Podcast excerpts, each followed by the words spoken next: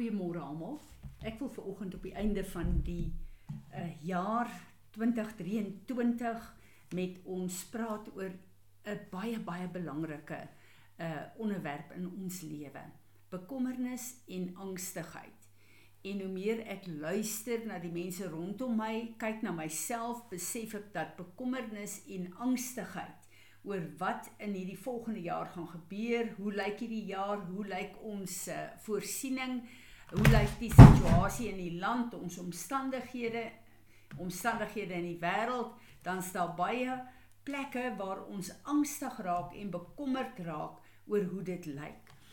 Nou vir oggend wil ek letterlik met ons praat, wat is die genesing en die oplossing van uh, bekommernis en angstigheid in ons lewe? Uh, ek wil heel eers gaan en ek wil praat oor my en jou se ehm um, koneksie met die Here. Hoe lyk ons verhouding met die Here? Hoe lyk ons persoonlike altaar in ons lewe? Want alles gaan oor die altaar van God en ons verhouding met God.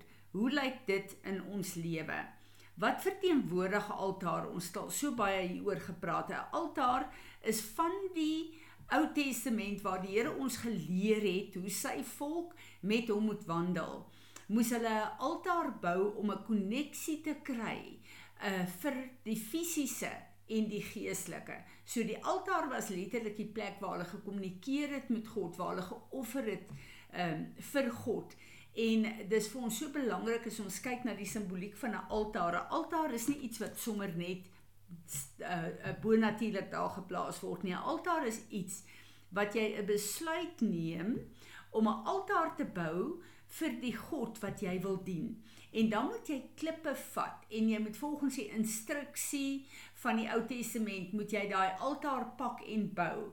So dit vat van jou 'n fisiese handeling en 'n werk.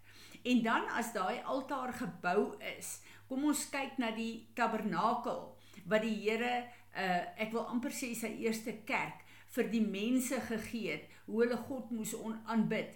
Daardie priesters wat vandag eintlik my en jou verteenwoordig want ek en jy is 'n priester uh van God ons het ons eie altaar.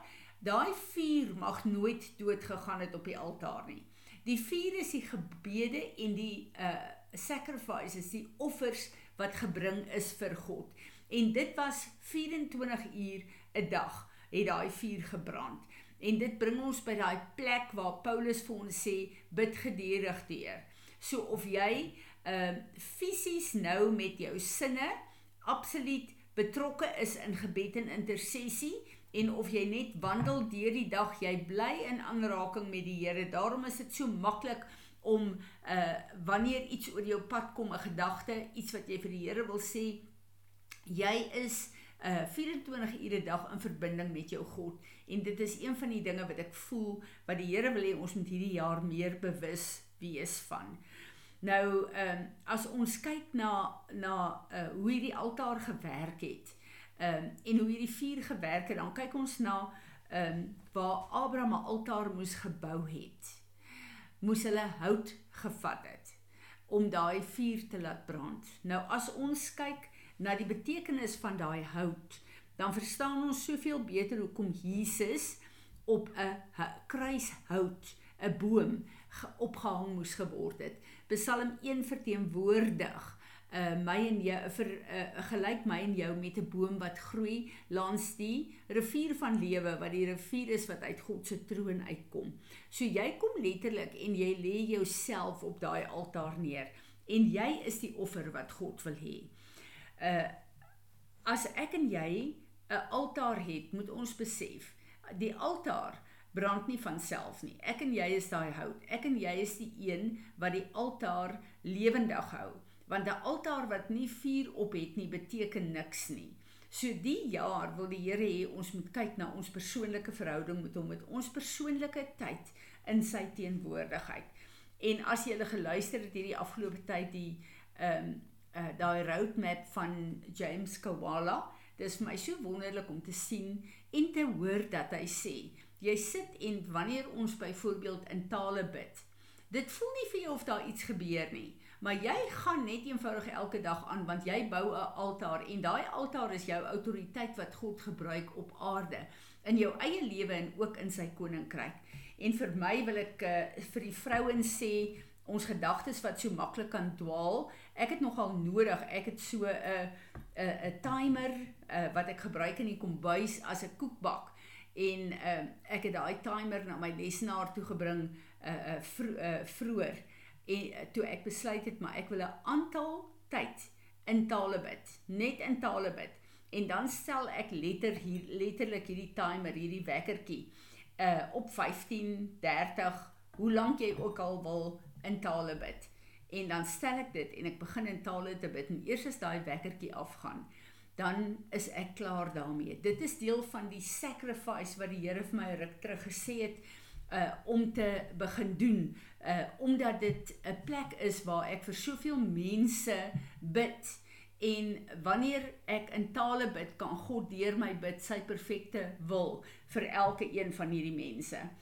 En dan wil ek vir julle sê wanneer ons kyk na hierdie altaar van ons, ons moet kom kyk is ons altaar effektief? En ek wil vir julle sê dat luiheid is 'n binding, dis 'n demoon. So om jou tyd besig te maak en jou lui te maak dat jy nie tyd uitkoop vir jou altaar nie, is een van die grootste strategieë vir die van die vyand.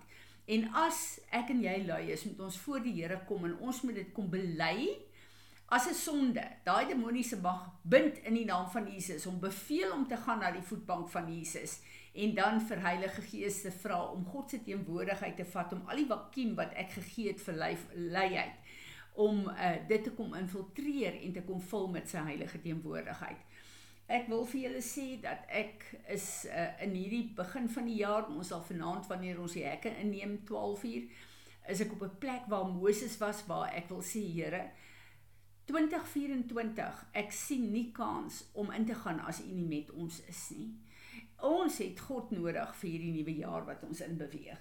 En nou wil ek gaan na Matteus 6 toe dis my so interessant in die amplified staan daar the cure for anxiety en ek besef net hierdie is so 'n strategie wat die vyand wat die Here vir ons gee en ons gebruik dit nie therefore i tell you stop being worried or anxious anxious perpetually uneasy distracted about your life. As to what you will drink and eat nor about your body or to what you will wear. If life is life not more than food and body more than clothing? En dan kom die Here en hy sê kyk na die voëls van die lug en hierdie hele hele stuk. En hy kom en hy sê hoe los ons hierdie ding op? Hoe los ons hierdie angstighede op ons is bekommerd en angstig omdat daar soveel goed in ons lewe is wat ons volgens ons eie persepsie, ons eie standaarde op plek wil kry, maar ook volgens die standaarde in die samelewing.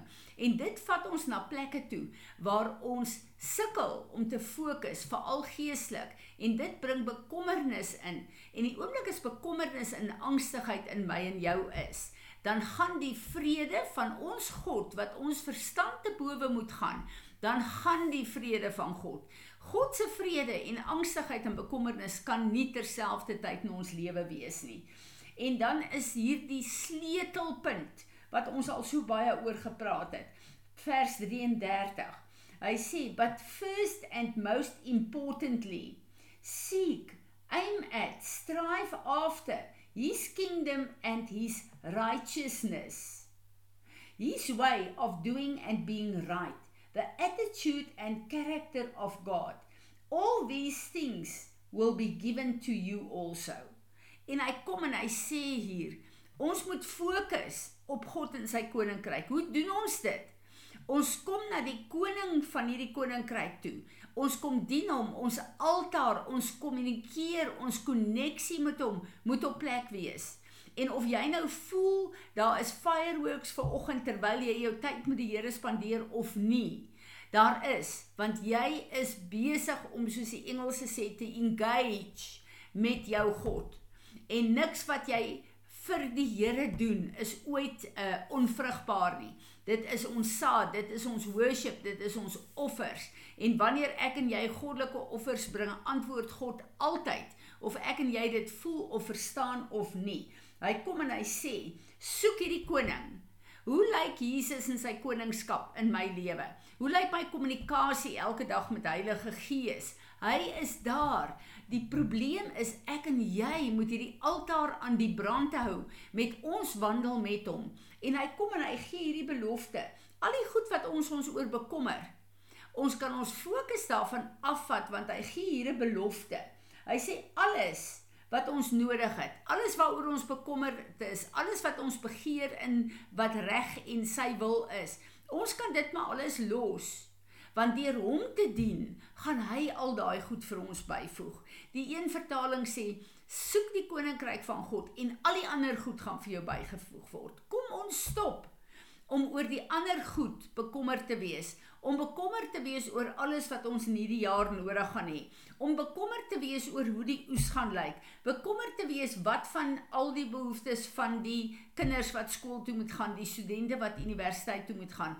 Kom ons los daai bekommernis en ons fokus op God en op die koning van hierdie koninkryk en ons dien hom en groei in ons liefde en toewyding uh hierdie jaar vir hom. Kom ons neem 'n belofte dat ons ons so gaan onderwerp aan God in hierdie jaar wat kom, dat ons persoonlike tyd met die altaar van God wat in ons hart is, nie gekompromise gaan word nie en dat luiheid en onbetrokkenheid nie weer van ons besit gaan neem nie. En kom ons doen hierdie nuwe plek van kommitment. Baie mense praat van nuwejaarsvoornemings wat in elk geval nooit hou nie. Kom ons maak hierdie 'n besluit en ons verander ons lewe en ons tyd en ons handeling. En ons besluit in onsself vra die Here om jou te help om nie ons tyd met hom te compromise in hierdie jaar nie. En dat hy die lof en die eer en die aanbidding wat hom toekom deur ons lewens sal kry. Maar laat ons ook sy wonderwerkende krag in elke opsig in ons lewe en in ons families en in ons gemeenskappe sal sien Here Jesus, wanneer ons dink aan U wat op die grootste altaar tot in alle ewigheid aan 'n boom gehang het, aan hout gehang het om te doen wat nie een van ons kon regkry nie en nooit sal regkry nie. Wil ons weer kom, Here, en ons wil kom buig in aanbidding voor U. Ons wil vir U baie baie baie dankie sê. Dankie dat U daar gehang het, Here, dat U alles gedra het wat ons nie kan dra of kan verander nie. Maar vandag wil ons vra, Heilige Gees van God, help ons, gee vir ons 'n salwing, 'n nuwe honger en 'n dors na U en U woord, na U geregtigheid en kom leer ons wat U geregtigheid is, sodat ons lewens op aarde die geregtigheid van God as 'n getuienis sal hê. En ons wil vra, asseblief Hierdie 2024 eh, is reeds aan die einde daarvan want U is buite tyd. Wees ons genadig, Here, en ons wil in hierdie hekke kom staan en kom verklaar. Lift up, O you ancient gates. Lift up that the King of glory, Jesus Christ of Nazareth, may enter with us this year. Amen.